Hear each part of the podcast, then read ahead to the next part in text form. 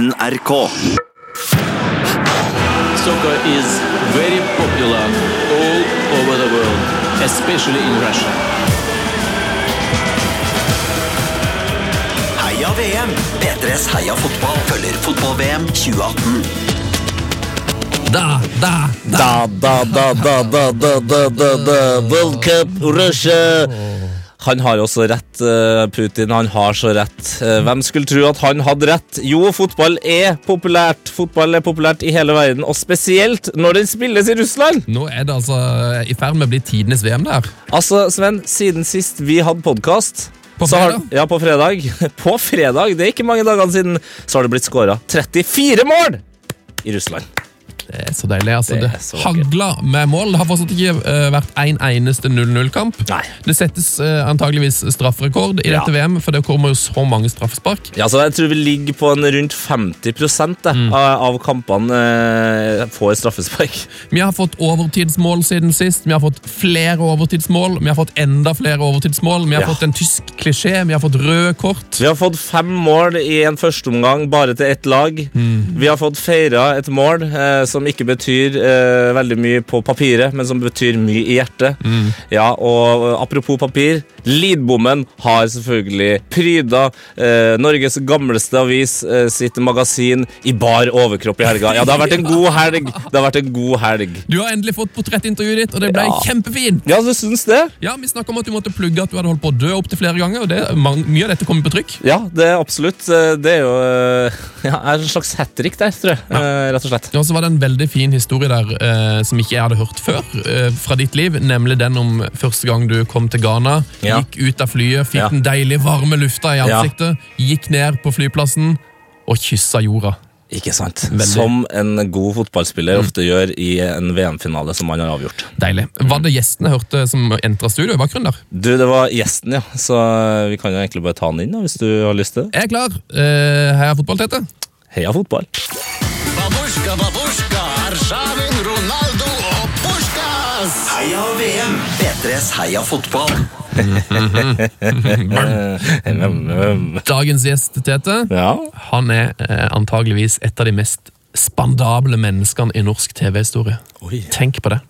Han har altså samla inn hundrevis, ja kanskje milliarder av kroner. Men han har ikke beholdt ei krone sjøl! Han har nettopp vært på Ullevål og hengt med Carlos Ronaldo Strand Myggen. Eh, Han sitter med spesialkompetanse på Usain Bolt, livsglede, eh, Vestfold, TV-aksjonen og fotball. Eh, Og dagens gjest har, når jeg tenker meg om, faktisk jobba eh, her i Heia Fotball-redaksjonen.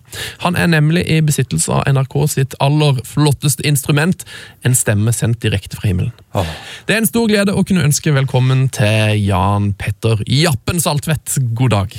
God dag. Tusen, tusen takk for eh, denne milde introduksjonen. Ja, Altså, det som men Du eh, kjente det igjen, regner jeg med? Eh, Det med Vestfold kjente jeg igjen. ja, det, det, det følte jeg var greit. Eh, og, og Sven, du sitter jo som alltid og kontrollerer i Trondheim, mm. mens jeg og Jappen da deler et vakkert lite studio her i NRK Sport på Marienlyst. Og det du ikke ser, det er altså en av de vakreste drakter. Altså, eh, først kan jeg bare gå rett på, på sponsoren her, som da er Mars. Mars! Ja. Oi, oi, oi. Sjokoladen Mars. Oi, oi, oi. Som på norsk heter Ja, hva heter den på norsk? Heter, har den et eget navn på norsk? Han hadde vel det? Japp, Japp, Ja, det er jo Japp, ja!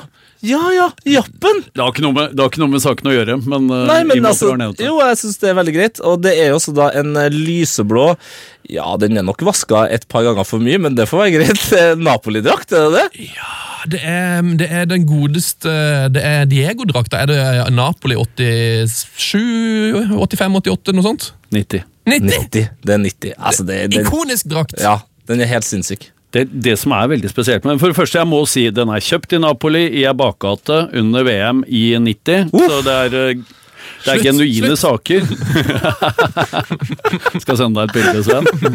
Eh, Den er Det rareste med den er at den er altså, Det virker som den er lagd av ull, nesten. Den ja, den, den har er- mer sånn pik vanlig piké-stoff. Jeg må kjenne, kjenne her. Ja, sånn ribbestrikka nesten. Altså, veldig det, Altså, jeg, Hadde jeg tatt på meg den der, eh, og samtidig knytta fotballskoen, så hadde jeg altså, svetta gjennom den. Ja, ja, det... det er ikke noe sportsstoff. Det tror man ikke, men jeg, jeg har prøvd å spille fotball, og ikke det at min løpskapasitet er eh, men, men omtrent som Maradona i 90, tror jeg. Ja. Eh, og den fungerer veldig bra. Ja, den gjør det. Ja. Nå gikk jo italienerne i en litt annen retning etter hvert. Eh, Ja. Alle disse helt kroppsnære tinga kom jo ikke så lenge etterpå. Men den her, altså den fungerer i alle mulige sosiale sammenhenger fortsatt. Tross et par vask for mye. Ja, det er noe det fineste jeg har sett. Jeg regner med at eh, du kan ta bilde av denne her, Tete, sånn at den er tilgjengelig på vår Instagram når denne podkasten altså nå er ute. Det er akkurat det jeg skal gjøre. Det bør inkludere Tetes eh, drakt også, Sven. Jeg må nevne det. Det er bortedrakta til Frankrike. Og, Den hvite? Ja, Ja, den er jo helt vanvittig vakker. Det, må, det må sies. Ja, vi, vi får ha en fotosession her nede etterpå, kjenner jeg. Dere aner jo ikke hva jeg har på meg, siden dere ikke ser meg. Dere kan jo bare finne på noe som bare finne på noe sprøyter nå. Men jeg sitter jo altså med min eh, Palermo bortedrakt som jeg fikk i bursdagsgave av det, Tete. Ja! Er Palermo? Altså, jeg har jo ikke vært i Palermo, jeg har vært i Fiorentina. Det var Fiorentina jeg ga det. det. Jeg håper det var Fiorentina. Men Du har allerede glemt det. Jeg fikk jo en eh, Palermo bortedrakt av deg og Netchef Lars til bursdagen i fjor. Altså, det spres Som du har kjøpt på internett? Ja, den hadde jeg helt glemt. Den hadde jeg helt glemt. Den er rosa, den. Den er rosa og svart og hvit eh, med lottoreklame. Det. Fantastisk. Eh, hvor mange penger har du samla inn til det norske folk via TV-aksjonen, Jappen? Det har jeg ikke regna på, men jeg har jo jobba der i uh, seks år, og ja, vi toppa vel tilfeldigvis siste året mitt som programleder. Med, da vi runda 250 millioner, det var rekord. Selvfølgelig. Så da, Da gjorde du som Zidane, du. du bare, da takker jeg for meg. Yes, Takk, takk. Jeg skalla til sjefen og, og gikk. da snakker vi nesten 1,5 eh, milliarder da, på sånn bare kjapt Ja, i hvert fall en tre, en fire har vi vel sikkert vært med på, da. Når Ja. du sier det. Ikke Så tenkt på det sånn, men Så det skal jeg gjøre nå. vidt eh, råd til Neymar. Ja, nesten. Ja, det er trist å tenke på. Ja, det er veldig trist å Har er ikke Neymar. Forferdelig. Nei, jeg er jo ikke i nærheten. Det er vel en halv Neymar? ikke Ja, det? det er faktisk en halv Neymar. Seks år og tusenvis av bøssebærere. Ja. En halv Neymar. 100 000 bøssebærere per år. 600 000 bøssebærere. Fy fader. Unnskyld. Og er bare en halv Neymar. Det er grotesk. Ja, det er grotesk. Særlig etter det vi har sett han i VM nå. Oh, det, det, vi, vi skal inne på Neymar. eh, Sven eh, Sven skal snakke om han som vanlig. Men, men eh, nå som vi først har vært inne på løpskapasitet og, og ø, Brasil eh, Du var jo på Norge-Brasil nylig. Hvem var det som eh, Jeg så et deilig bilde av det Roar Strand og Vidar Iseth eh, for øvrig på, på internett. Hvem Hvem var det som hadde best løpskapasitet eh, i de to elverne der? Roar Strand var vel topp to, i hvert fall.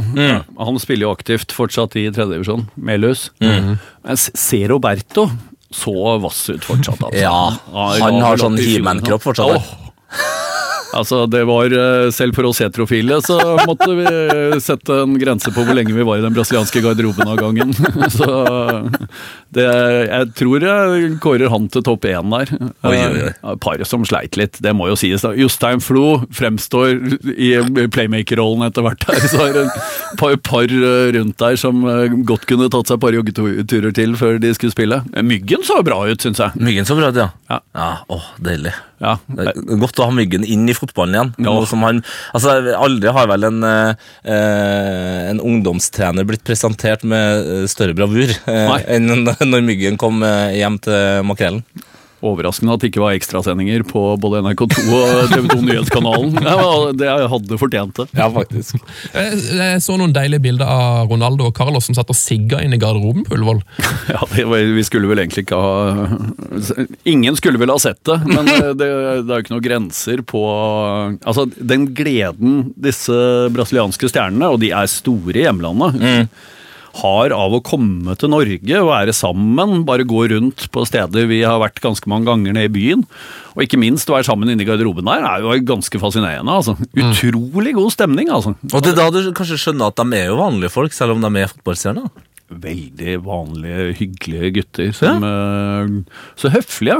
Som om det skulle være viktig å være høflig overfor uh, hvilke som helst folk fra Aftenposten eller NRK som går rundt her. Always Aftenposten, man. Ja. men jeg må jo nevne den norske garderoben òg. Ja.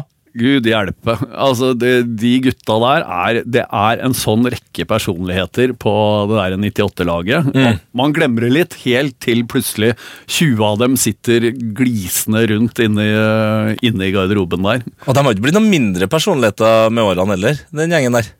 Selv Rekdal smilte. Og så smilte jeg hele tida. Selv Rekdal. Selv Rekdal smilte. Dan Eggen gikk bare og lo hele veien. Eh, nei, det, det der var jo en fantastisk dag, det må jeg si. Det må jo si det til Ronaldo og Carlos sitt forsvar, at eh, når du er såpass superstjerne som det der, han, altså han kunne jo ikke stilt seg Det hadde vært, det hadde vært mye farligere eh, hvis han hadde stilt seg utenfor Ullevål og sigga. Ja. faktisk gjør, mye mer ta en inn i garderoben her.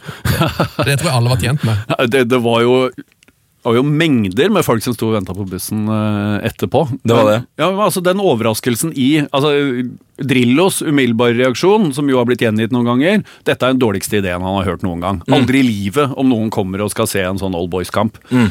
Og så er det jo det stikk motsatte. Og atmosfæren der oppe, å være på Ullevål igjen, følelsen av at det er litt fullt, det er en sånn spenning i lufta. Eh, folk gleder seg til å se hver enkelt spiller, med all respekt for de som er på landslag eh, nå. Ja. Det er, det er altså Man har ikke den Altså det forholdet til de spillerne som vi bygde opp eh, en eller annen gang på 90-tallet her. Ikke. Eh, og det å se dem igjen, det, det var vanvittig fint. Jeg hadde ikke trodd jeg skulle si det her. Men jeg, blir litt varm. Eh, Blir du varm av å tenke på VM til nå? òg? Føler du VM har levert? VM har definitivt levert. Men det, det Altså vi kan jo ikke konkludere ennå. Altså, Nei. alt vi har sett til nå, har vi jo glemt. Hvis, uh, altså, Brasil-VM så jo også fantastisk ut til, til utslaginga begynte. Det er litt sant, det. Men der falt det ganske godt, altså. Mm. Uh, selvfølgelig husker vi semifinalen og sånt nå, men det skjedde noe etter noe som så ut som å kunne bli tidenes uh, fotballfest. Og derfor så skal vi vente lite grann. Men det har vært jevnt. Eh, og det er alltid veldig, veldig gøy. Eh, mange av puljene som eh, er vi åpna, eh, mange av favorittene som sliter, det må jeg si er veldig moro. Ja, det er jo det er morsomt. Altså, er det, jo, det her er jo den avgjørende uka. Altså, Fordi den siste runde, runden i gruppespillet den kan bli altså så grusomt kjedelig, og du får akkurat alt det du forventer, og så går du inn i den første hviledagen, som jeg allerede altså Jeg gruer meg så eh, intenst til fredag, liksom. Altså, Hva skjer på fredag? Hva skal jeg gjøre? Hvordan skal jeg planlegge den dagen? Og så eh, får man eh, de første utslagsrundene, og hvis, hvis lørdagen ikke leverer, da hvis, det, hvis man legger merke til at nå går alle trenerne inn i liksom boksen og bare nå skal det hviles, ja, da er det ikke sikkert det blir tidenes VM, altså. Nei. Nei. Men det ser bra ut. Det ser veldig bra ut. Det, det, jeg tror vi må klamre oss til det. Det ser utrolig bra ut. Um, og den, altså den uka her, med fire dager på rad nå med doble utslags... Eller er det ikke utslagskamp, da, men avgjørende kamper. Og så mye muligheter. Det er sånn Argentina som på en måte egentlig nesten er dømt ut allerede. Det kan jo faktisk gå videre. Ja, Det er så mye muligheter. Sverige kan jo fortsatt gå videre, dem. Altså, altså ja. Sverige og Mexico kan gå videre, og Tyskland på en måte altså det, det er muligheter overalt. Og så er det selvfølgelig, til og med i de gruppene der det er avgjort hvem som går videre, så er det jo det er så viktig. Hvem møter dem? ikke sant? Skal de vinne, skal de ikke vinne? Belgia, England, altså eh, Russland, eh, Uruguay. Det er, det er fortsatt noe å spille for. Yes. Eh, og Åge Hareide, som du møtte i høst, Jan Petter, Ja. han er jo ubeseira, men han kan slite med å gå videre. Men altså det, han skal jo ut i, til dyst nå. Tror, du, tror du Åge er fornøyd etter, det, etter dine rapporter? Jeg tenkte jeg skulle sende Åge en tekstmelding her om dagen, men jeg fant ut han kanskje hadde litt annet å drive med. Eh, Så jeg, jeg kan ikke skryte på meg førstehåndskjennskap. Han ser veldig fornøyd ut, og han så fornøyd ut etter uavgjort mot Australia, som man eh, kanskje ikke skulle trodd i forkant. Peter Schmeichel eh, tvitra i går. eh, det som er ganske moro, dette er akkurat situasjonen Danmark var i i 98 hadde Frankrike i siste gruppespillkamp, måtte ha poeng for å gå videre. Ja. Spilte uavgjort. Uh, det som også er gøy, uh, begynte å tenke på det, er jo at det de gjorde i 98, var å gå videre til å møte Nigeria, som de fort kan gjøre. Eh, og etter det så gikk, slo de jo Nigeria i en fantastisk kamp, og uh, møtte Brasil i kvartfinalen, som de også kan gjøre igjen. Så det er et sånn eh, Det er 20-årsjubileum overalt Ja, da. det her kan virkelig Virkelig Jubileums-VM! Å ja da. Svenskene så ut til å kunne få sin sankthansaften på lørdag også, så det, det, det er jubileums-VM. Men, men om danskene går videre, det syns jeg er kjempegøy. For det, det laget der er jo Altså, det må være lov å si middelmådig.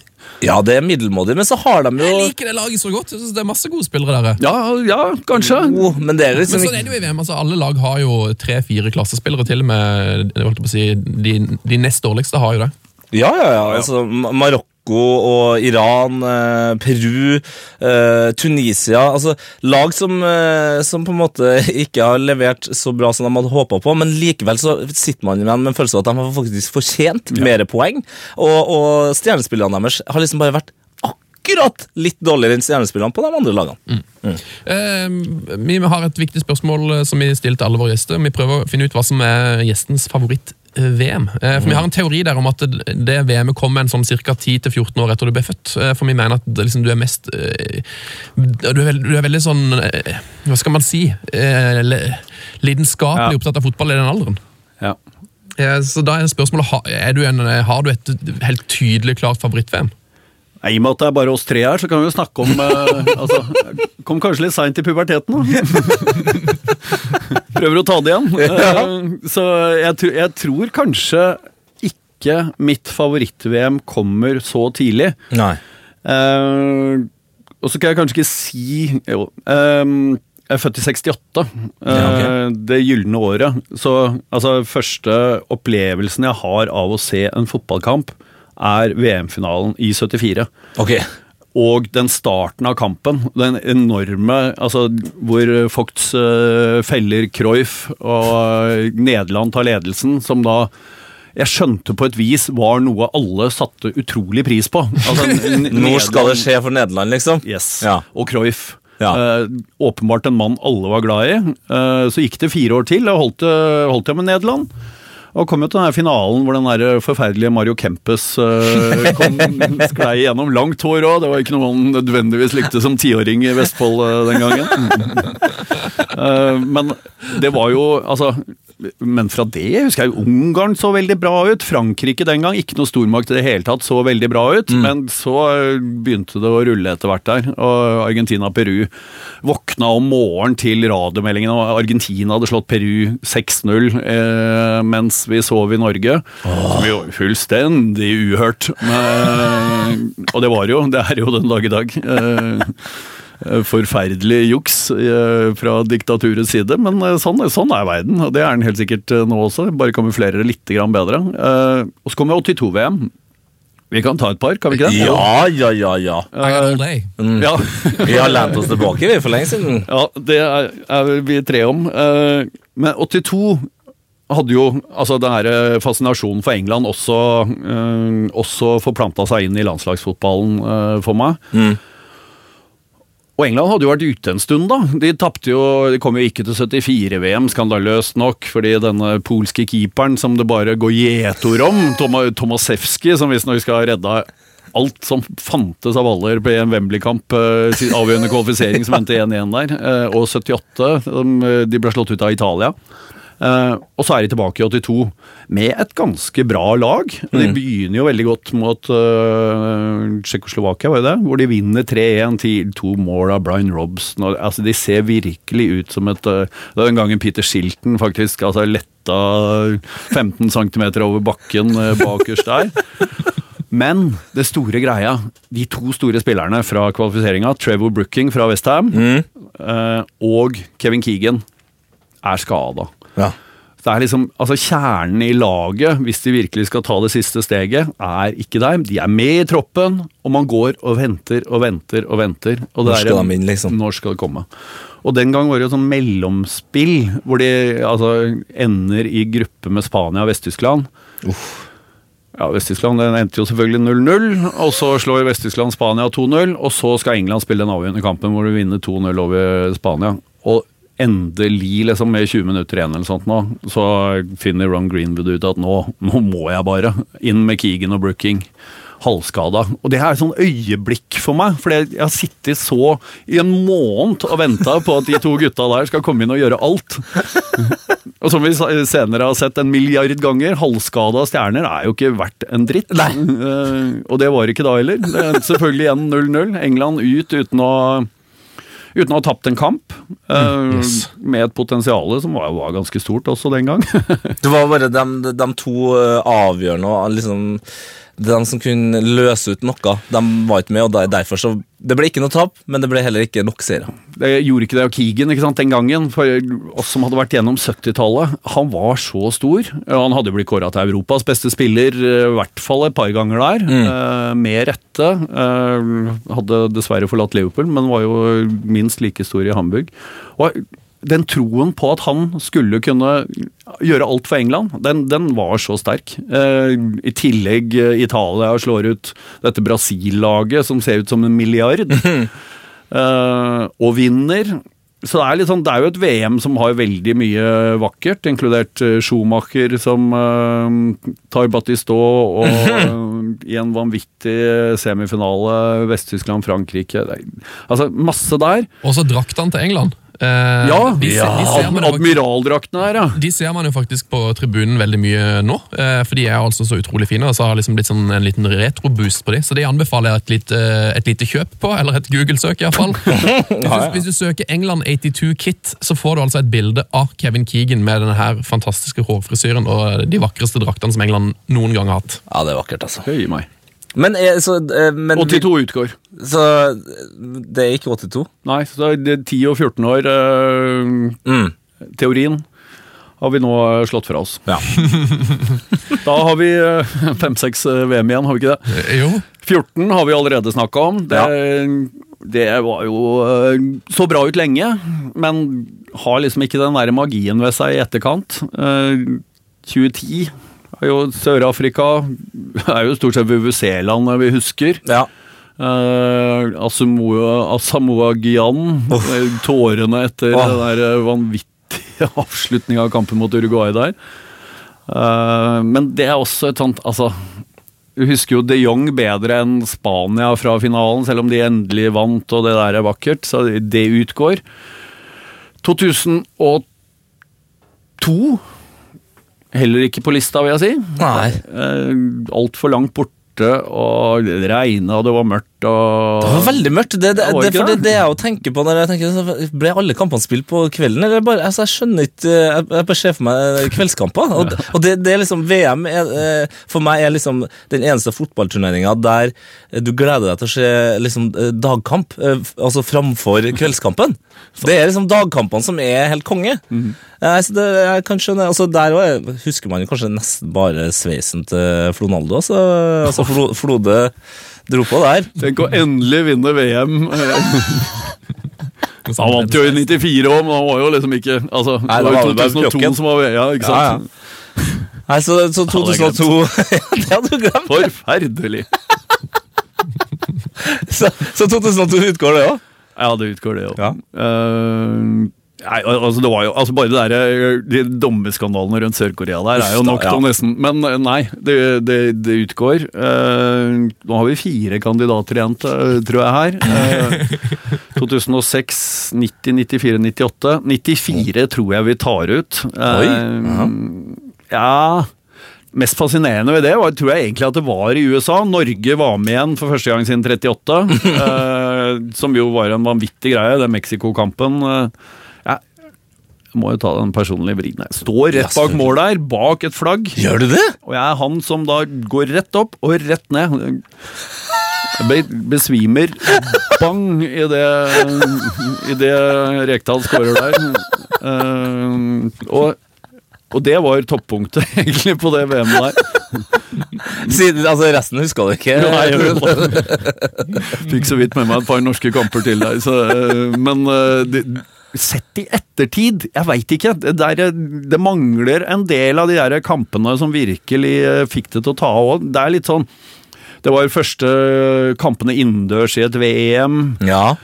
Og et Brasil-lag som vinner på ja, altså, Jeg husker jo Leonardos eh, albue på Tab Ramus der, som var helt grusom, ikke sant? Og, mens øh, øh, Romario vant vel det VM omtrent aleine, sånn som det målet mot Sverige og sånt. Han er jo ren Ja, ja. kunst, det greiene han holder på med. Ja, svenskene, selvfølgelig veldig Det gøy, positiv ja. greie. Ja, for det, men det tenker jeg, for, for min del så er jo det mitt favoritt-VM. Men eh, altså, jeg var jo, var jo ikke gamle gutten, jeg hadde rukket å blitt åtte år.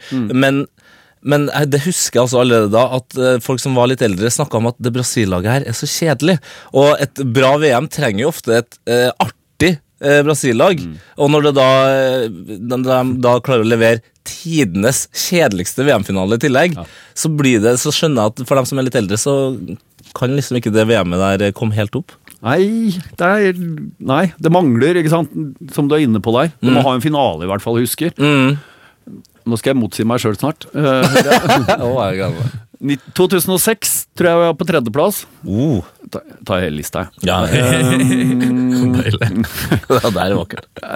Nei, altså det det er jo et Altså, Tyskland viste jo veldig mye positivt, uh, syns jeg. Både som arrangørland og ikke minst som fotballnasjon der. Det der nye laget til Klinsmann den nye bølgen med et eh, Ja, altså det var Artig Tyskland. Ja, ikke sant? Og et flerkulturelt Tyskland som plutselig Altså, det var én nasjon på en helt annen måte der. Litt sånn eh, noe de hadde tatt eh, nær Virka som de plukka opp tråden fra Frankrike i 98 eh, i sammenhengen. Eh, fremsto jo med en sånn Ja. eh, Alt var mye mer sjarmerende enn vi hadde sett dem. Altså fra åpningskampen, Ja. fra målet til LAN der, til ja, ja, ja, ja. eh, hele veien til bronsefinalen. Ja. Og så den feiringa av et tysk lag som vinner bronsemedalje. Ikke sant? Det, er liksom, forventer jo aldri å se det. Ja, veldig utysk, ja. Ja, det er veldig Det er jo noe der, ikke sant? Altså, vanvittige eh, Nederland-Portugal. Uff. Eh, var på, på den kampen. Det var eh, Altså Det er surrealistiske mengden kort som var der. Eh, Jeg trodde jo aldri kampen skulle fullføres. Eh, Sverige var jo ganske gode. Ja. Og det er jo alltid gøy. Og, så, og så er jo Italia var jo Altså, mot slutten der, målet til Grosso i semifinalen, Å, for forkystninger. Å, og den eh, også finalen, som jo er virkelig har alle de elementene vi Der har du finale. 94. Ja, ja, der har du finale. Det er Panenka fra Zidane, og det er Skalling, og det er altså Det, det er ikke måte på, det. Var øyeblikk nesten på den Panenkaen. Ja, ja. Eh, så jeg, nå hører jeg at jeg kanskje skulle vært en annen plass, men 98 tror jeg vi setter på andreplass. Mm. Der er Ja.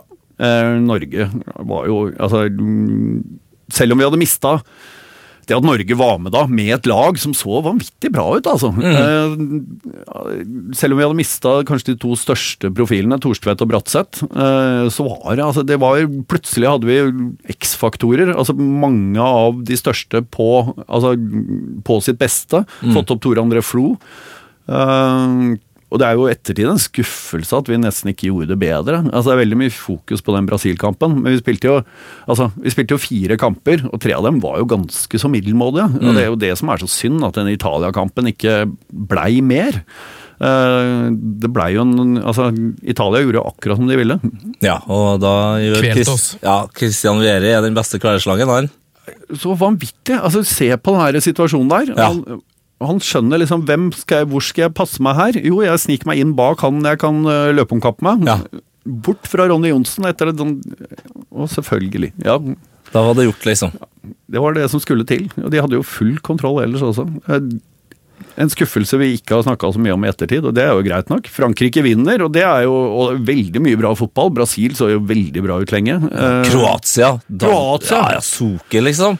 De burde jo nesten ha slått Frankrike i den semifinalen også. Ja, den burde jo det. Og sånn som de slår Tyskland, 3-0 der. Helt nydelig. Ja, det var ny... oh. England-Argentina der. Oi, oi, oi. Ja, der, der har du også en kamp med så, det er så mange situasjoner. Og det er også sånn gøy nå i ettertid. Det er sånn som du hører Pochettino snakke om eh, når han liksom skal forsvare eh, Ellie sine filminger, fordi han sjøl innrømmer at eh, eh, som forsvarsspiller så kan du på en måte kløne til sånn at eh, det er ikke angriper, angriperen sin skyld om han detter lett, for du skal ikke stå der. ikke sant? Det var han som, som gjorde at eh, England fikk det frisparket. Altså, det, det er så mange sånne det er så mange øyeblikk da, i bare den kampen. Ja. Og de måla. Ja, målene, ja. Oven, og så er det frispark til Sanetti, så har jo Brolin øh, klasse over. Ja, det er helt eh, desperat. 98, et godt VM, men godt VM på andreplass, og da har vi en tøttela 1990. Italia. Italia. Ja. Og der har du jo sagt det. Bare det at det er i Italia, tror jeg i seg sjøl Ja. gjør at det, det er nødt til å vinne. Lidenskapelige mennesker, eh, for å si det mildt. Ja, ikke sant? Det er et eller annet med den blandinga av det er jo altså, det er jo ikke tilfeldig at det er operaens land. Altså, det, det ligger jo en tragedie under der hele tida også. De er jo ikke et land som, altså, hvor alt går bra. Det er bare lidenskap i alt sammen, om det går dårlig eller uh, om de lykkes. Og man tror jo de skal lykkes der. Eh, plutselig kom jo eh, Skilacci fra omtrent der bortedrakta til Sven er fra. Og med de sjukeste øynene eh, på en VM-arena, i hvert fall før Maradona i 94. og er dødseffektiv. Og Italia ser, ser jo Baggio eh, Ja, ja. Noen Baggio. ja, ikke sant? Ja. Eh, de- ser fabelaktige ut. Kamerun, som endelig skal det lykkes for Afrika. England, som halter seg videre, selv med skilten Ja. åtte år for gammel eh, bakerst. Eh, og så ender det i det som på et vis altså, er eh, det vi begynte med, disse tragediene. Ja. Eh, England som selvfølgelig ryker i den straffekonken mot Vest-Tyskland. Eh, Italia som taper for Argentina eh, der. Maradona som kommer til finalen skal altså endelig bekrefte en gang for alle hvem som er størst. Vinne aleine et VM for andre gang på rad. Med et forferdelig argentinsk lag, egentlig. Det var jo, de var så fule eh, til enhver tid. kjøtt, kjøttlag. Oh. At, altså, at øh, de høye herrer hadde bestemt seg for at øh, ikke de skulle vinne der igjen, det er 100% overbevist om. Det, Ja. den, det derre f- Rudi Føller-fallet der rett før slutt Altså, så dårlig teater at uh, Men det holdt. De, de ble verdensmestere. Ja. Tyskerne. Uh, og det er et eller annet med akkurat det du begynte med å si der. Dette. Det var Italia. Mm. Og det var alle de der Jeg vet ikke. Mm, bare tanken på Kamerun igjen uh, gjør at jeg blir litt glad. René Higita. Ja. Ja, det, her er, det her er jo et VM som som sagt, jeg var fire år, det kom for tidlig for min del, og jeg, jeg kjenner for hver gang vi har en gjest som nevner det, som har opplevd det, så, så blir jeg jo jeg blir bitter. Altså, jeg blir ordentlig bitter. Eh, Hvorfor, hvorfor ble ikke jeg født tidligere? Eh, Hvorfor fikk ikke jeg opplevd det? Dette, dette hadde jo vært ditt VM, Tete. Ja, det hadde jo vært det! Det. Det hadde jo vært det som Italia-mann. Så hadde jeg jo, eh, Selv om det hadde vært eh, tungt å se tilbake på at eh, det røyk, så, så hadde jeg jo virkelig kjent gleden underveis der. Men var, var jo i Napoli på semifinalen. Og det, ja, det ble en veldig rar opplevelse. Dels er det veldig mange brasilianere der, fordi eh, det er jo den semifinalen Brasil skulle spilt. Og de hadde jo tro på dette brasilianske laget, det skjønner jeg egentlig ikke. Müller var liksom stjernen der, og var, hvem var han, liksom? Eh, og de taper for Argentina i åttendedelsfinalen. Argentina den gang òg, som nå, var jo på vei ut. De kom jo på tredjeplass i pulja si og fikk bare kara seg videre. Brasil, Brasil i åttendedels. Og det er jo der fem stykker går etter Maradona fire. Hele forsvaret går etter Maradona, som avanserer fra midtbanen. Dytter til venstre til Caniggia, og så er det 1-0. Så går de til den semifinalen. I Napoli en del brasilianere, resten av stadion synger kun Maradona i Italia. Fy fader. Det er Det er sterkt. én mann. Det, altså, det er ikke Italia, de Og det, ja, det var, det var, var fortsatt overraskende. Mm. Altså, hvor stor Maradona var og, og er i Ja, og det, er liksom, det her er jo lenge før liksom, sosiale medier og den type mediehype som kan skape en stjerne i en klubb. Altså, der, der var sikkert mange av dem som kanskje ikke hadde sett den, eller bare sett den en og annen gang på stadion, men likevel så har de et, da, et så intenst forhold til en argentiner foran italienerne, på en måte. Ja, ja. Ja, det er helt sjukt, altså. Ja, nå fikk jeg lyst til å se den her eh, VM-krønikaen eh, fra 90 om igjen. Eh, Bare få litt oh. få 90-årene. Jeg skulle jo gjerne vist dere alle de nydelige NRK-klippa fra 90 også, men det øh, vi alle hadde glemt, det var streik. Absolutt uh, hele Stemmer veien gjennom. Så det er jo Arne Skeie. Vi er liksom skrur og skrur og skrur. Ingen Arne Skeie. Er Alt er tyst. Det var veien. stille VM.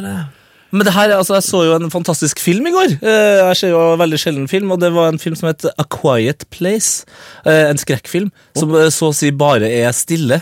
Og, og tenker jo litt som den filmen her, så må jo også det VM-et på en måte Det å egentlig ha den stillheten gjør jo at du sanser liksom alt, da. Du, du får med deg alt som skjer på tribunen, og du hører sparkene og ropene på, på banen. Altså, det, det er sikkert noe med det òg. Sant. Ja. Sant. Men, men dette må vi ikke selge inn for tungt, for det kan, bli, det kan få konsekvenser for vår jobb. Ja, det kan jo være. Så det er Ja er til kommentering, det liker vi veldig godt. Eh, Vi har fått et Vi elsker kommentarer! Ja, vi elsker det. Vi vet. uh, lytterspørsmål fra Atle Hom Vesterås, som jeg synes er meget bra. Hvor hvite tenner er det mulig for dagens fotballspillere å få? Godt spørsmål. Hvem leder? Firmino, kanskje? Eller Ja. Jeg tror Firmino ligger på toppen her. Altså, det, ligger, altså det, det, det er jo en, det er en tannlege i Liverpool her som leverer noe så voldsomt. Altså Coutinho bare skyndte seg å ordne dem før han dro, liksom. Eh, det er altså så selvlysende. Og nå, nå når kveldskampene begynner å komme, eh, og, og Brasil skal spille, altså, da blir det, det er lyskastere på banen. Altså, det Det er ikke tilfeldig at jeg har vært på dagen fram til nå, mener du? Nei, nei, nei, nei, ikke i det hele tatt. Nei, jeg tror vi når et slags toppunkt, altså, for det, det går vel ikke an å få det noe særlig hvitere. Nei, men det tenker jeg på. Altså, eh, Gulltann har jo alltid vært kult, eh, og sølvtenner òg, for den saks skyld. Men, eh, og jeg har alltid hatt lyst på gulltann. Eh, Såpass afrikansk eh, er jeg faktisk. Men jeg kjenner jo nå at Tenk deg å få en, en pleksitann, altså en gjennomsiktig tann. Hadde ikke det vært fett, da? Det kunne vært litt stilig. Dette har jeg tenkt for lite på, Mike. Ja, så jeg tenker jo at det blir jo det neste steget. Når Neymar blir sånn 32 eh, og spiller da mest sannsynlig, dessverre, eh, i Kina, men da begynner sikkert vi å ha sett på kinesisk fotball for lenge siden, og han har liksom en gjennomsiktig tanngard.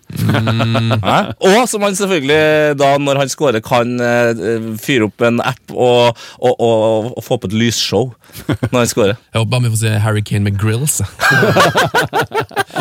Vi har fått et lytterspørsmål fra Helge Schwitters, eh, og han har funnet en sang til VM-lista vår. Tete. Oh. Eh, Hvis du går inn i Spotify, så kan du søke på Heia fotball, og så finner du en liste som heter VM 2018. Yes, og jeg skal oppdatere den eh, i dag, der vi har fått masse tips. Ja, jeg er ganske sikker på at den låta her kommer med. Eh, Hel Helge Schwitter skriver 'Tidenes kjærlighetserklæring' eller bare creepy. Noen elsker Courtois way past en gjennomsnittlig Chelsea-supporter. Okay. Eh, Det er en, altså en, eh, jeg tror det er en um, belgisk eh, artist som har lagd en låt som heter uh, Thibaut Courtois. Je serais prête à leur faire la rugue quitte à mourir pour toi. Mon poste est en défense, j'arrête des balles pour toi. Si je donne peu d'amour aux autres, c'est que je le garde pour toi. Gardien de ton cœur comme joueur de Chelsea, c'est mon côté courtois. Ja, ja, ja, ja. Dette må være perfekt for deg, Tete. Åh, eh, En av de første litt sånn kjærlighetsladde hiphop-låtene av en eh, fotballspiller. Som oftest er de veldig eh, litt sånn militant og hard, spesielt når de kommer da fra rundt Benelux eller Frankrike der. Men å få liksom eh, den gode R&B-en inn, det, det er jeg imponert over, altså. Det var nydelig. Og litt sånn Chetem-sang også, var det ikke det? Ja, litt Sadé, nesten. Og, og musikkvideoen det demper dempa belysning, Ja, og det, ja, det er litt erotikk i lufta der. Så den, eh, den her er ikke feil. Eh, takk for tips, eh, Helge Schwitters. Og apropos eh, vår VM-liste, nå skal vi få høre en låt som kan bringe oss videre da, til helges, helgens store kamp.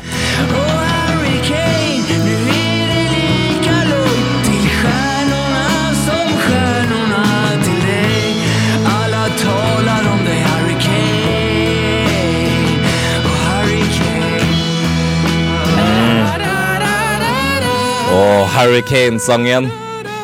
Hæ? Ja, den er veldig, veldig fin. Eh, Gutten som satt uh, pløsete uh, under de siste VM-ene og tenkte på at kanskje karrieren uh, aldri skulle gå noen plass. Og så har han da kapteinspinn, og nå står han med fem mål. Som er, det er vel like mange mål som England har skåra de siste VM-ene? er ikke det? Er det det? Jeg tror han skåra fem mål sist VM.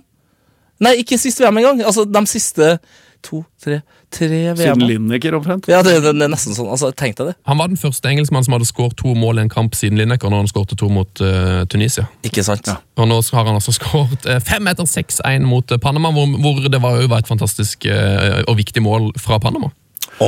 Men det der må vi jo snakke om. Sant? Det, der, der! det Panama-målet og implikasjonene der, Ja. det er jo det morsomste nå. Eh, som min kompis Henning Harborg eh, Hei, Henning. Hei, Henning. satte meg på tanken om i går. Nå nærmer det seg jo den England-Belgia-kampen. Likt i målforskjell, og likt nødvendigvis i utgangspunktet i den kampen.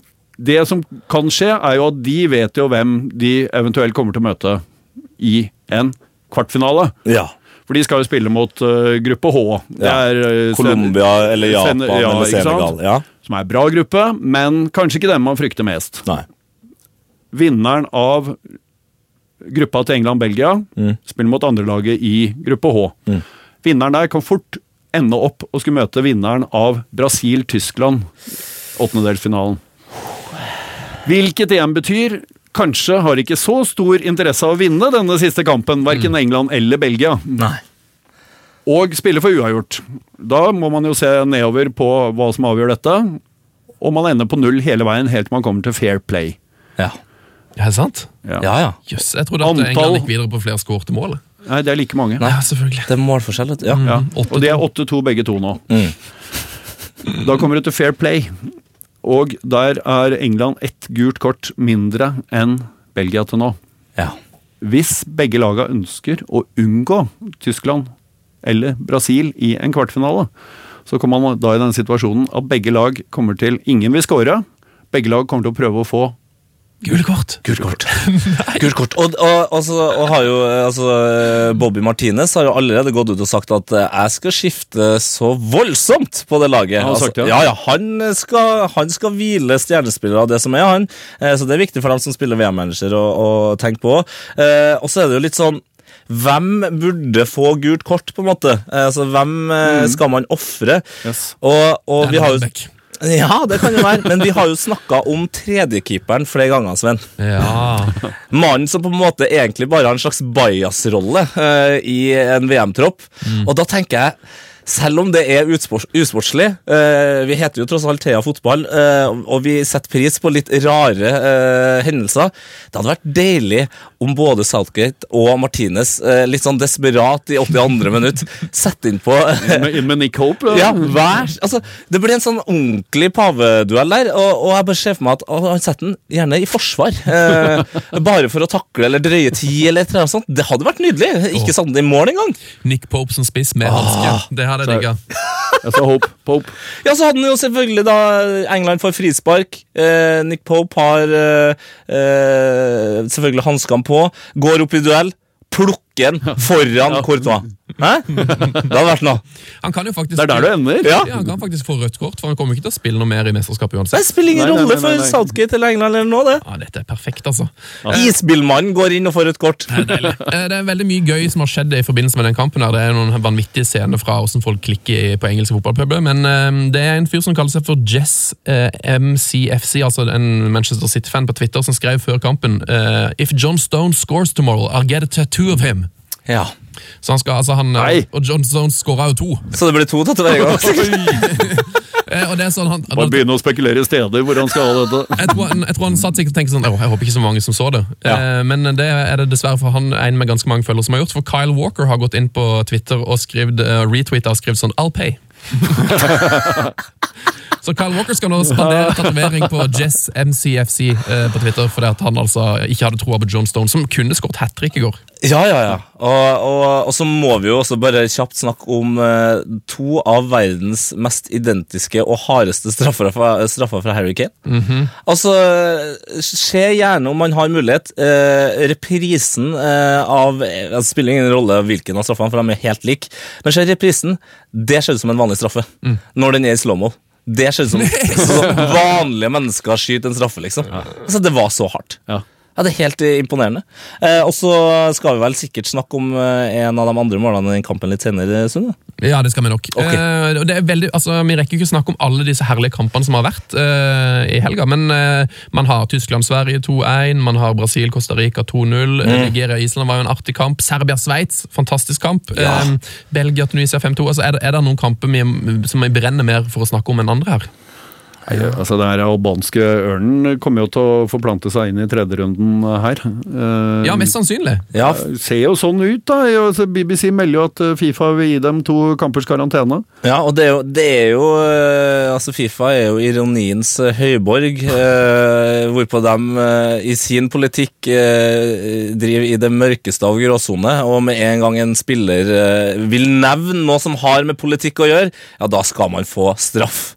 Altså, det er Jeg skjønner at det er dumt at spillere provoserer politisk, men eh, nå gikk det jo fint på tribunene der, og, og det er litt sånn eh, ja, Man burde kanskje nesten bare putte inn for banter, da. Eh, og i hvert fall to kamper karantene. Det er mye, altså. I et VM er det, Det- er jo livstid. Ja, det er livstid, liksom. Så, og Sveits, som jeg har blitt ordentlig imponert av eh, i det VM-et her, de har en sånn perfekt balanse av eh, clean kokos midtbanespillere og, og, og artige Altså, Shakiri-målet. Det er et helt sinnssykt mål, ikke sant? Eh, og, og Berami som, som bare går ut på for å drepe andre spillere. Det passer perfekt. Endelig så ser Sveits ut som en sammensveisa gjeng. Ja. Og så, så ender det da kanskje med at Shakiri og Shaka ikke får lov til å spille de to viktigste kampene. Yes, og For de som ikke har lest disse sakene, så er det altså den her eh, albanske ørnen som du nevnte i appen. Eh, For Shaka og Shakiri, som er albanske, eh, men som spiller for Sveits, de feirer jo da med å, med, med å vise den her nasjonalsymbolet som er i flagget til Albania. Mm. og som var, Jeg så Kristina Vukisevic var jo på TV 2 etter kampen og sa at for hun, hun er jo serber, så hun synes det er jo en ren provokasjon. Så det er jo veldig sånn provoserende for serberne å, å få Absolutt. dette her slengt i trynet. Ja, det er alt rundt Kosovo er jo ekstremt Ja, ja. betent der. Ja, det er veldig betent, Og altså. det er med faren til Saka sitter i eh, altså, fengsel i tre år og Ja. Nei. Ja, det er mye der. Ja, det er mye der. Men, men det er liksom i all eh, den tid Fifa alltid skal si at fotball skal handle om fotball, også, eh, men ikke når Fifa bestemmer sjøl. Det, det, det er litt eh, Man får litt, eh, litt vond smak i munnen. Ja, men det er, det er et ormebol, for jeg skjønner på en måte alle som reagerer. Eh, alle har på en måte relevante argumenter. For. De, de kunne jo spart seg for den feiringa. Ja, det. man kunne gjort det. Ja. De vet jo at det er på kanten, liksom. Ja. Serbiske landslagstreneren eh, tar jo opp eh, hansken. Send dem til Haag, som dere gjorde med oss. Ikke sant? ja da. Og så var vi i gang. ja, så var vi i gang, ja. Og treneren til Sveits er jo også fra Balkan, han støtta jo ikke sine egne spillere i dette. Nei. Så det, det er litt av et ormbol. Men for, eh, for sånn, fra et fotballperspektiv så får vi håpe at de ikke blir suspendert. For det kommer til å være eh, to fantastisk viktige spillere som blir vekk, og kan jo ødelegge mye for, for Sveits i turneringa. Absolutt. Helt enig med Tete til slutt der. La dem få lov å vise hva de mener her i verden. Mm. Yes. Eh, Brasil-Costa Rica. Ja. Eh, Costa Rica holdt på å klare det! To mål på overtid fra Brasil. Ja, de, altså, Costa Rica er seg, altså. De Ja, er så det. seig. Og uh, enn det at man skulle få en situasjon der man rett og slett egentlig heier på Neymar sin frustrasjon over spillere som overspiller, fordi det så jo ut som Mitraljøsa hadde gått utpå der eh, en periode. Altså, de lå jo altså skadeskutt. Uh, altså, jeg satt egentlig bare og venta på at, at det medisinske apparatet skulle komme og bare dra dem etter foten uh, ut av banen. Altså, det var jo helt voldsomt. Pinlig. Det var jo pinlig. Og det det nesten så jeg glemte eh, hvor pinlig det var når Neymar prøvde å filme seg til straffe. Altså, det Åh, for en kamp, altså. Ja, det var det. Eh, Litt glad at det ikke var Neymar som skårte det 1-0-målet, som uh, tross alt uh, var det avgjørende i utgangspunktet. Coutinho har jo nå lært seg, etter han var stjerna i Liverpool, snike seg inn som andremann. Ja. Og kom til Barcelona, sleit i starten, mot slutten av sesongen. Skjønte hvordan han skulle bevege seg ut av eh, skyggen til Messi. Nå driver han med det samme for Brasil. Det er jo han som har eh, gjort det til nå. Så, Det er en kjempeplan, og du så jo da etter kampen eh, at ja, man kan være verdens rikeste fotballspiller og, og både kle seg og klippe seg som en douchebag, men man er fortsatt, fortsatt en ung gutt som har altså en veldig stor nasjon sin Altså bare Alt ligger på Neymar sine skuldre. da. Eh, og Jeg snakka faktisk med en eh, brasiliansk dame i går eh, som eh, sa at de har egentlig vært veldig lei av Neymar. Eh, men det at han visste følelser eh, etter den kampen, gjorde at de har innsett at eh, de kanskje har lagt litt vel mye press på en litt for ung eh, kar. Og det, så vi får se. Det blir spennende å se liksom videre i, i turneringa om han eh, om han nå kanskje kan blomstre litt. Bras Brasil kan jo ryke nå, vi må jo ikke glemme det heller. Ikke sant? Det, nå var det jo jubel som om uh, de var kommet ganske langt. De skal eh, møte Serbia. de skal møte Serbia. Serbia er gode, altså. Det er Kolarov og Ivanovic. Det er, det er mye kjøtt der. Eh, Neymar har vel snart satt rekord i antall frispark skapt, og de aller fleste faktisk fortjent òg. Jeg tror ikke det blir noe mindre mot, Det er mot Serbia. nå det virkelig begynner. Ja, det blir helt sjukt, for der er det jo at alle kan jo gå videre. og Det kommer til å bli sånn der eh, man sitter på overtid og regner på tabeller. og det til, hvis, hvis det skjer noe som helst som er litt sånn uh, shady, så kommer det til å komme masse teorier om at de gjorde det med vilje. og de skulle Ja, ja. Ja, ja, ja. Brasil har helt, som det, det ser ut nå, vi har fordeler å komme på annenplass i den pulja, f.eks. Mye lettere vei videre. Det er deilig. Eh, Japan-Senegal i går, eh, Polen-Colombia, eh, og bare en liten eh, litt, litt skryt til NRKs ekspert Alexander Schou, som kommer som gjest her eh, etter åttedelsfinalen, tror jeg. Okay. Han, før kampen så sa han jo se, se opp for eh, Inui. Ja. ja. Meget, meget deilig spiller, og han leverte jo altså TS, som det heter. Ja, han spilte jo som Thierry Henry utpå her. For en fyr. Altså, Japan eh, ble jo solgt inn som kanskje det kjedeligste laget av dem alle før det VM her.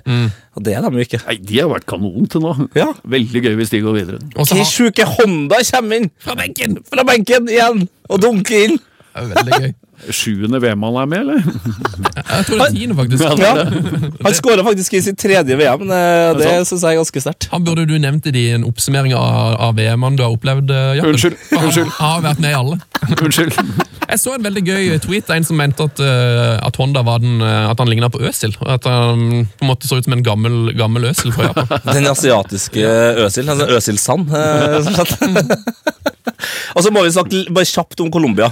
Ja. Det laget der det er så morsomt. Nå fikk de en grusom start mot Japan, eh, men spilte likevel en god kamp.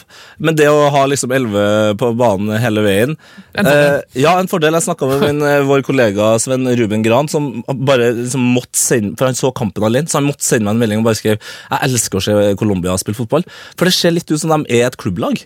De ser liksom ut som de spil, har spilt alltid, sammen. Eh, og feirer på den måten og er litt sånn Det er ikke så farlig om jeg prøver den her litt sinnssyke pasninga, eh, for da jobber jeg eh, den inn hvis jeg bommer, liksom. Og det, det digger jeg med Colombia, så jeg håper de eh, går videre, altså. Ja, det var, jeg, jeg synes de så råsterke ut. Og det er jo litt sånn, eh, Vi snakker om Brasil har jo et fantastisk lag på papiret, men det handler veldig mye om Neymar. Ja. Eh, Og Med Colombia så trodde man det skulle bare handle om James Rodriguez, men her har jo alle meldt seg på. Ja, ja, ja. Fikk sitt første mål i VM-historien. Vakkert, vet du. Ja, og de, de, de var jo gode sist også. Eh, Helt til Brasil eh, slo dem, i og for seg fortjent akkurat der. Altså, og det var jo mye James Rodriguez. Men nå blir det jo sagt, som også er vist, han er kanskje ikke like god, men resten av laget er bedre. Er bedre. Det er som Quintero og Codrado er liksom endelig i form, og, og når Falcao har styrt kamper fra toppen Det ser jo helt merkelig ut av og til. Og så, og så kan du bytte inn på Bakka, som eh, går og ja, spiser ankler, som eh, vår gudfar eh, Per Alle sier. Altså, han er jo klin gæren. Så nei, det Colombia-laget er nydelig, altså. Men ikke så nydelig som eh, det Colombia-laget som satt på tribunen i går. Nei, Karius og Baktus? notert meg på tidsuret 25.45. Altså det er vakreste bildet i kamp med Maradonas sigar, men eh, jeg tror ikke det er mulig å overgå det der Bakte-spillet der. Altså. Jeg, vet, jeg følger jo Carlos Valderama eh, på, Det gjør det. på Instagram. Eh, og for våre yngste lyttere som ikke kjenner til han, han har kanskje verdenshistoriens mest kjente sveis. Uh, men den sveisen ble jo faktisk overgått i går av René Heguita, som altså, har, har fått villere hår, han. Ja, du, du hører jo om andre kjendiser som fyller på både det ene og det andre når de begynner å bli gamle, men han har fylt på sveisen. Det tror jeg kanskje er første gang det har skjedd. latt det gro han siden 90. Det var helt perverst. Ja, det er det, faktisk. Så jeg regner med vi ser dette her i en eller annen sånn slags eh, kavalkade når, eh, når VM begynner å nærme seg slutten i appen. Ja, ja. Det, Det hvis, no- det, hvis dere vil ha det med, så kommer det med. Ja, så bra. Så bra. Ok, eh, dagens kamper, gruppe B og, og A skal avgjøres. Jeg elsker, jeg, elsker at vi bare hopper over eh, Sveriges er Tyskland som er- eh, nedtur mot Tyskland. Ja, Vi skal snakke om veldig mye om Tyskland på, på onsdag. Så vet jeg at det kommer litt Sverige-ting i, i en spalte senere. Så okay. vi, vi skal nevne den òg. Men eh, gruppe A og B skal avgjøres i dag. Ja. Klokka fire Uruguay, Russland og Saudi-Arabia, Egypt. Mm. En gruppe som faktisk er avgjort. Ja, men, Så, så vidt. ja, den er avgjort, men det er jo to lag på toppen der som da møtes òg, og som skal bestemme seg for hvilken plass inn i åttedelsfinalen de tar. Sp Spania eller Portugal, den eh, er vanskelig. Ja. Hvis det blir Spania eller Portugal, da, for kan Iran med Keiros Det hadde jo vært gøy. Er sant? Det er sant. Det er sant. Altså, jeg har ikke tenkt tanken engang nå, Nei, innrømme. Altså, eh, Portugal er jo et fantastisk land. Eh, De har en spiller i Ronaldo som eh, er helt sinnssyk, men, men her i Norge føler jeg at det, det er veldig lett å heie på Iran. Eh, Du, du skal ikke ha bodd der lenge for å ha en, møtt én fantastisk iraner. Altså, det er jo de blideste av mennesker. Ja. Altså det er for, for, for, for et folk. Ja. Og de spiller jo også en fotball som minner litt om Norge på sitt beste på 90-tallet. så vi, vi kan liksom kjenne oss litt igjen nå. Mm. Så eh, ja, jeg vet ikke, men Russland-Uruguay, det blir spennende å se hvor god er egentlig Russland, og hvor god er egentlig Uruguay. For det vet ikke jeg da. Nå skal Golovin til eh, Barcelona. Det, altså, de er nok ja, Vi venter jo litt på Uruguay fortsatt, gjør vi ikke det? Ja, vi gjør det. Jo, Men i de, aller, aller høyeste grad. ja, men eh, Uruguay føler jeg, de er jo de smarteste guttene i klassen. De, de gidder ikke å spille bra mot et dårlig lag. De spiller alltid akkurat nok, da. Vant 1-0 mot eh, Ja, det var, Ja, ja, Akkurat. Akkurat nok. Ja. Eh, men ja, hva gleder du deg mest til, Sunne? Nei, nå som dere sa det, så tror jeg kanskje at det er den Det blir åtte, åttekampen eh, flomlys, eh, og når det er Iran, eh, Portugal og Spania, Marokko eh, som, som durer av gårde der. Eh, og den, det lille håpet du planter der om at faktisk Portugal kan ryke mot Iran. Eh, ikke det at jeg på en måte eh, vil så veldig gjerne ut Portugal, men eh, det å få videre Iran, det tror jeg hadde liksom satt fyr på det VM her. Ja, ja. Vi, vi mangler jo det ene laget som altså, tar den veien Costa Rica gjorde sist, der Mm. de vinner gruppa foran Uruguay, England og Italia. Altså, de vi virkelig kan ta med oss og holde med. Ja. Iran har potensialet. Åh, ja, jeg håper det, altså. La det skje. Eh, Ja, hva med virkelig. Spania, da? De kan vel ryke da, de òg, på et eller annet vis? eller åssen? Nei, de, Kan vel ikke nei, de er kanskje det kan de fire Jo, altså, jo. Jo da. Ja, de taper, og UA da, de kan tape på målforskjell for Iran. Ja, hvis, det, for nå er det sånn at Spania og Portugal ligger med fire poeng, og begge har ett plussmål. Eh, så hvis Marokko virkelig trykker til, og det kan jo godt være, for de har jo liksom virke, de har jo ikke fått fortjent, så nå er det litt sånn vi vil i hvert fall gå ut av det VM-et her og føle oss stolt. Så kan det være at de bare gruser ned Spania, eh, og da er det plutselig Portugal-Iran som eh, går videre, hvis Iran vinner. Ja, Hvis Spania taper 2-0 og Iran vinner 4-0, da, får vi en kveld.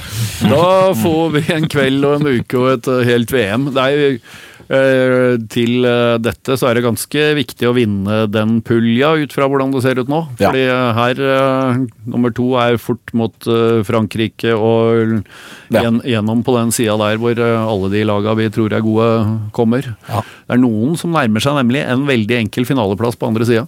Nettopp, det er det. Så eh, det kommer til å bli en kveld. Åh, Deilig. Ja.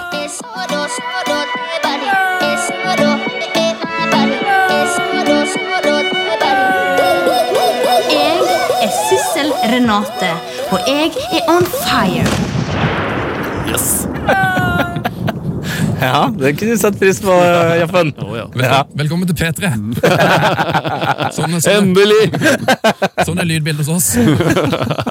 Ja, Hvem er on fire i fotball-VM? Eh, Er det et fenomen, en spiller eh, eller en kamp, eller hva som helst? altså, Hva er, hva er hot, hva er not? Det er spørsmålet. Eh, Har du en hot, Tete? Ja, jeg har det. Vi skal til Spartak Stadium. Uh, Vi skal til noe som skjer før en trening. Uh, Til et land vi har et eh, svært eh, nært forhold til. Vi skal selvfølgelig til Sveriges landslag og Jimmy Durmaz, som eh, har fått eh, noe voldsomt med trusler, rasistiske og drapstrusler, eh, siden han da takla og skapte da frisparket som Tony Kroos pirka inn i krysset. Eh, og han gjorde også noe helt fantastisk. Og jeg vil kanskje også si at eh, det svenske landslaget som sto bak den, gjorde noe enda mer fantastisk. Du har vel et lite klipp vi kan kjøre over, Sunne? Yes, Vi skal høre Durmas tale. Jeg er fotballspiller på høyeste nivå. Å bli kritisert er noe vi lever med. Det inngår vårt jobb og det tar vi alle dager i veckan.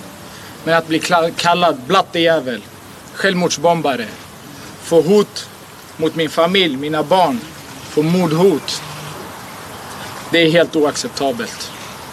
Jag är svensk och med stolthet bär jag vår tröja och vår flagga.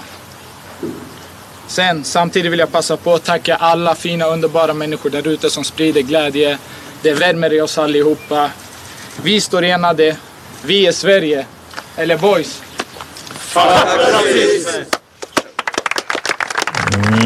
Der har du øyeblikket. Der har du øyeblikket, altså. Fuck rasisme. Ja. ja, det vil jeg påstå at jeg er enig i, gitt. Rett og slett. Jeg støtter den. Ja, Det er så sterkt. ja det er utrolig sterkt. Uh, og det sier, det sier liksom Nå har vi jo snakka litt eh, sånn morsomt om fotball og politikk og den slags men det er det har, Fotball har så mye å komme med hvis man bare vil, og hvis man bare får lov. Uh, og da er det godt å se at, uh, at de gjør det på den måten der.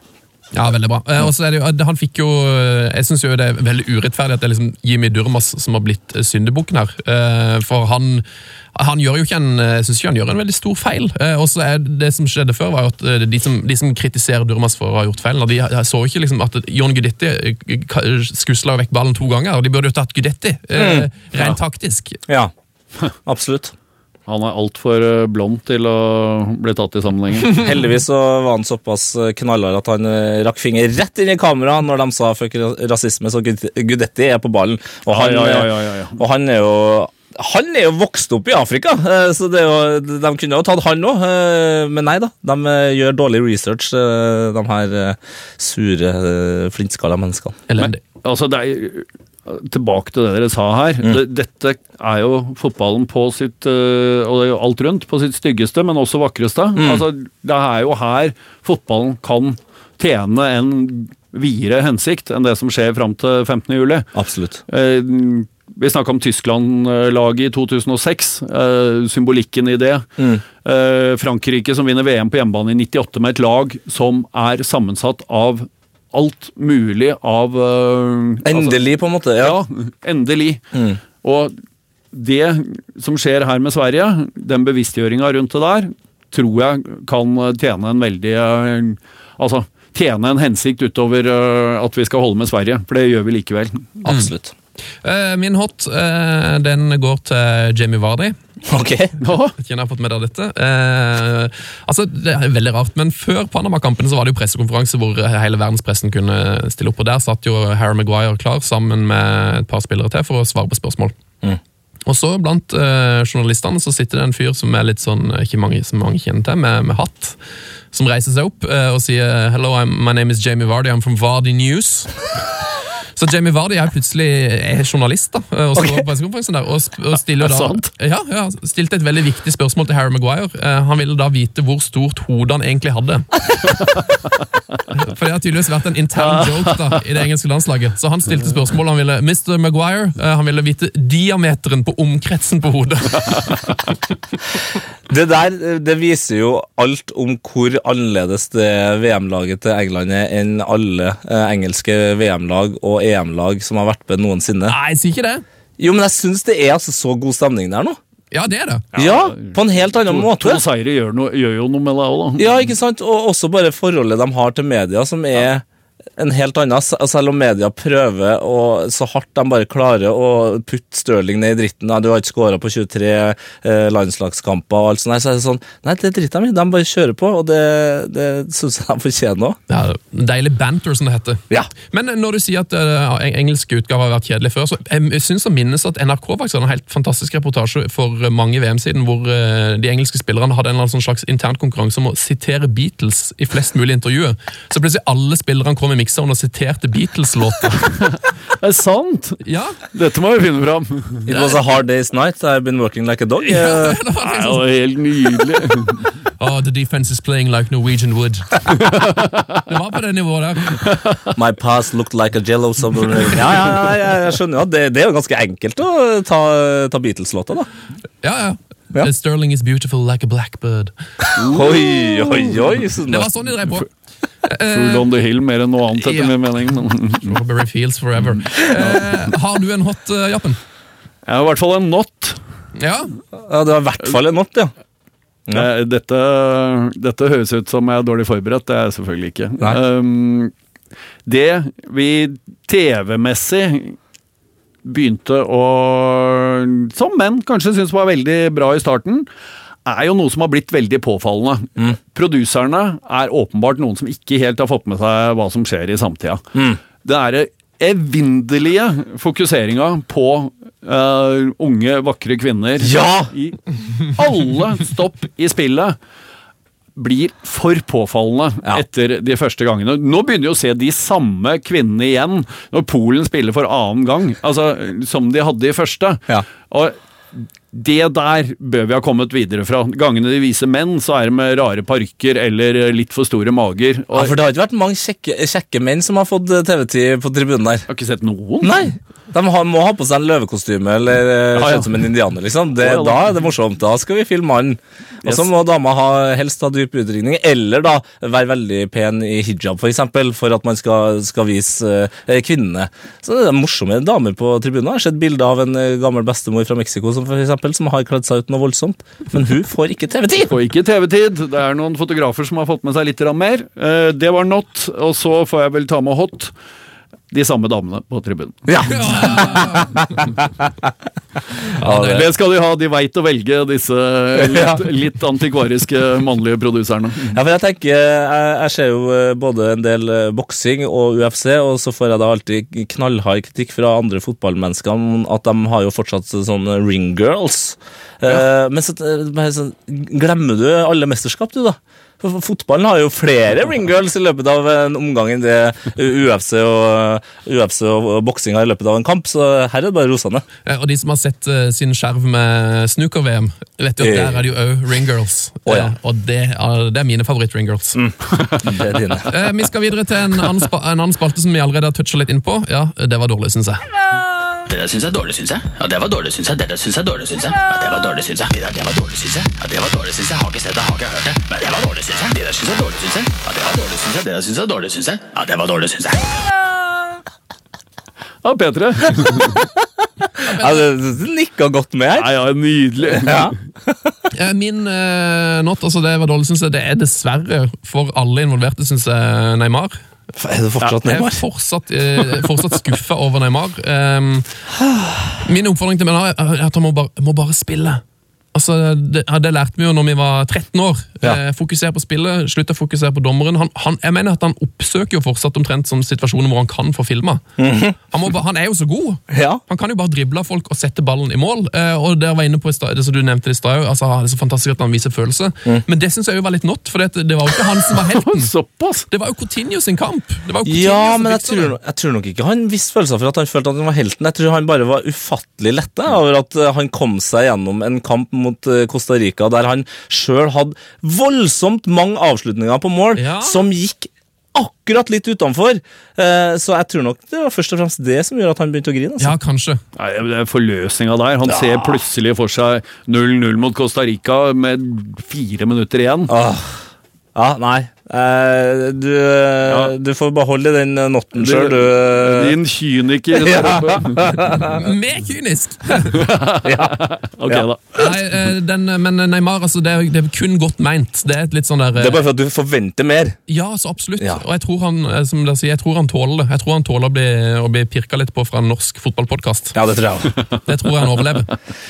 Eh, ja. Din not, heter? Ja, nå skal vi til en som har pirka noe voldsomt i litt den samme gryta som vi har snakka om eh, før, eh, nemlig en eh, god, gammel ringrev, eh, Stefan Effenberg, som eh, gikk knallhardt ut før Tysklands kamp mot Sverige.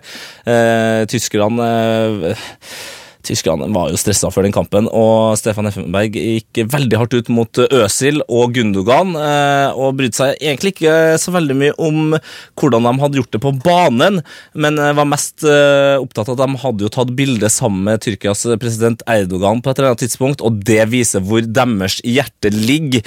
Og da tror jeg kanskje Stefan Effenberg glemmer én, statistikken til Øsil på det tyske landslaget, som er meget god. Og så tror jeg også han rett og slett har et selektivt minne, for i VM 94 så var det en ung Stefan Effenberg som eh, rett og slett rakk finger mot egne fans, og derfor ble sendt på huet og ræva hjem fra USA. Eh, og da, eh, når Tyskland da skulle møte Bulgaria i kvartfinalen, ja, da røyk de uten sin beste midtbanespiller. Så Stefan Effenberg, den her går til deg. Du er altså så utrolig dårlig, syns jeg. Fortsatt. Ja, fortsatt. Fortsatt dårlig fyr. Ja. Ja, Det var jo for øvrig noen ganske kjipe bilder av benken til Tyskland etter den eh, Sverige-kampen. ja. Det må jeg si. Altså, og Joakim Løv eh, Jeg forhasta meg litt på not her i sted, men jeg må bare si altså, ja, Når han etterpå I motsetning til denne mediesjefen som tross alt går inn i garderoben og sier 'sorry, Ja. jeg gikk over alle grenser'. Joakim Løv lenge etterpå sier 'jeg så ingenting, jeg så bare at vi vant'. Hva skal man med sånne folk? Nei, det er utrolig. Og han har jo heller ikke levert nå nesepirking Nei. det VM-er, så hva er det han driver med? Men han har vært ganske nær et par ganger der. Ja. Altså, du ser at han er så nær og vil ha de der fingra opp i nesa, og så kommer han på Ei, shit! Det er 34 kameraer rundt her. Han har lært, dessverre. dessverre, ja. Dessverre. Ja, ja, ja. Ja, for det er jo god TV. Ja, det er veldig god TV. Uff, makabert. All right. Ja. Da Ja. begynt- da begynte vi å nærme oss slutten, dessverre. Jeg gjør jo det. Eh, Men det kommer ny Heia fotballpodkast i morgen. Ja. Eh, Da er vel dessverre ikke Jappen med. Hva skal du finne på framover, eh, Jan Petter Saltvedt? Nei, nå skal jeg grue meg til fredagen. Ja. Eh, mest av alt. Jeg, jeg tror denne uka her blir fantastisk eh, spennende. Eh, men eneste vi veit, er jo at eh, ingenting kommer til å gå som eh, verken vi eller noen andre tror. Nei. Så her er det jo bare å stålsette seg. Åh. Nei, men I og med at du var inne på det, jeg må si det, jeg gruer meg så vanvittig til 16. juli. Uh, altså, snakk om å bygge opp fysiske og psykiske og emosjonelle behov som uh, et VM gjør. Og da tror jeg altså det er tidene som er nå, med 2-5-8, Ja. er så midt i. altså Du trenger ikke å gjøre noen ting før du kan begynne å glede deg til den første kampen, og vite at en hel verden gjør akkurat det samme. Ingen kritiserer deg, kan bare nyte. Dagen er redda uansett når du våkner. Og så kommer vi til å få det så inn i granskauen i flest. Ja, altså Den eneste fattige tusen jeg har, det er jo at uh, 21. juli, da skal vi i Heia Fotball uh, ha show på Slottsfjell. For dem som uh, er i Tønsberg-området. I Tønsberg? Da. Ja, og du, er du, du hater ikke Tønsberg, du? Nei. Nei. Så det, det er på en måte det eneste vi kan gi dere som allerede begynner å grue dere til 16. juli. At da er det jo bare fem dager til, til vi kjører show, show, show, show. show. Største fotballbegivenheten i Tønsberg i så fall, siden Jahn Teigen landa på gressbanen i helikopter før Eikampene, da de var oppe i 1983. Eh, Kan vi avsløre gjesten nå, Tete? Jeg skal ikke bare gjøre det, da? Altså, for Han, er, han har star power, eh, og han er, har en eh, god fotballtid. Eh, han, har, han har spilt med, med stjerner. Eh, han burde egentlig bare blitt fotballspiller. Eh, skal vi si det? Eh, Vær så god.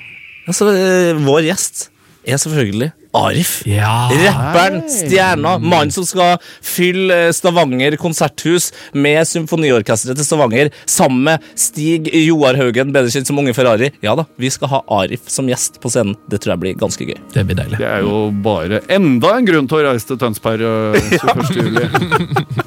Right. Må jeg si, kan jeg si én ting til slutt? Ja, selvfølgelig. La oss alle gå gjennom uka og sitere det svenske landslaget. Fuck rasisme. Fuck rasisme. Frank de Boer speelt de bal.